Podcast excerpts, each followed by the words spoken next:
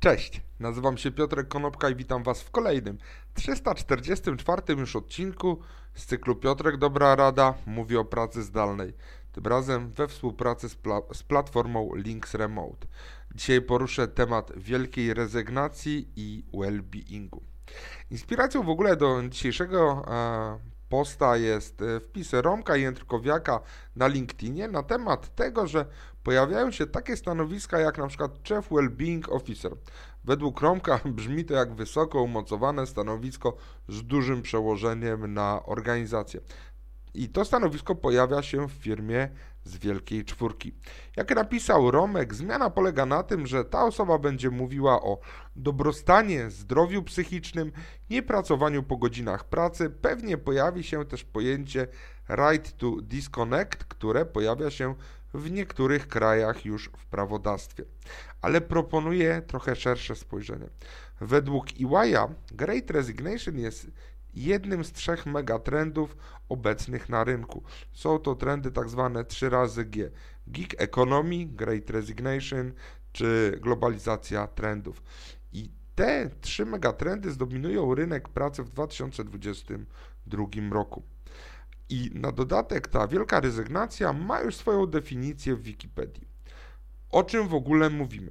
Przede wszystkim zacznijmy od podstaw, czyli źródło i skala problemu. W USA od kwietnia do października zeszłego roku z pracy zrezygnowało 27 milionów Amerykanów.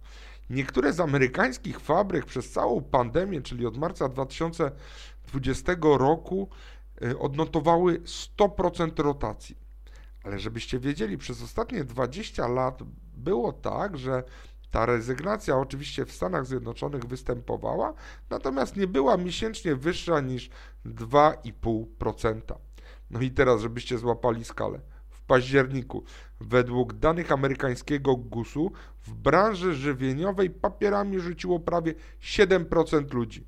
Teoretycznie można więc zakładać, że w ciągu 14 miesięcy można mieć 100% rotacji w załodze.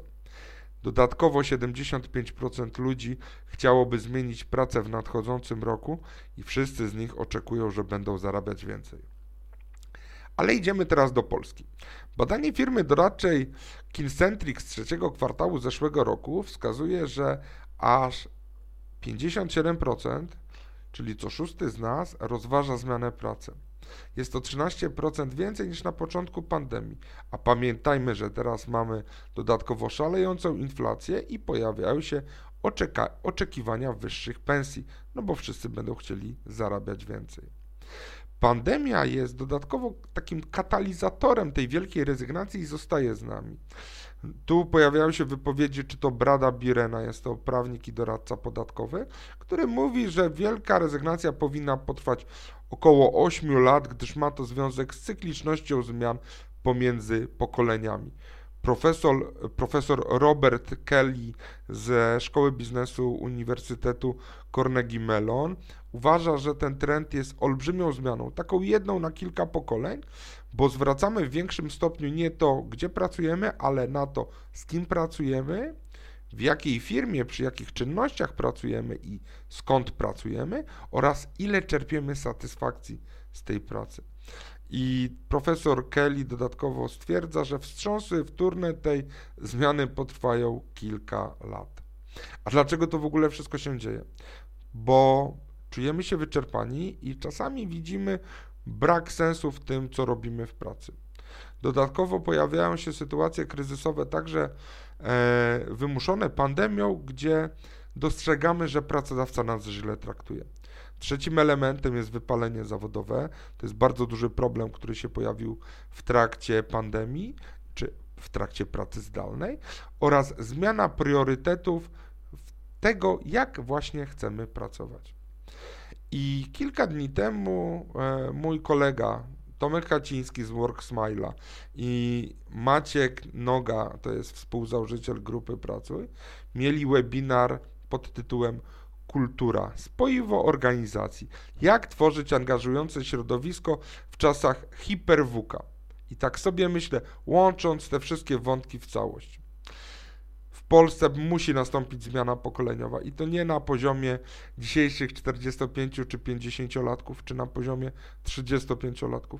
Do głosu na poziomie zarządzania organizacjami muszą dojść dzieci, które aktualnie mają 8 czy 10 lat, bo dzisiejsze siare, sianie tych ziaren związanych z kulturą organizacyjną, z dobrymi praktykami w zakresie work-life balance i pokazywanie pozytywnych przykładów, które promują m.in. Tomek i Maciek, przyniesie rezultat za lat kilkanaście czy nawet za lat kilkadziesiąt.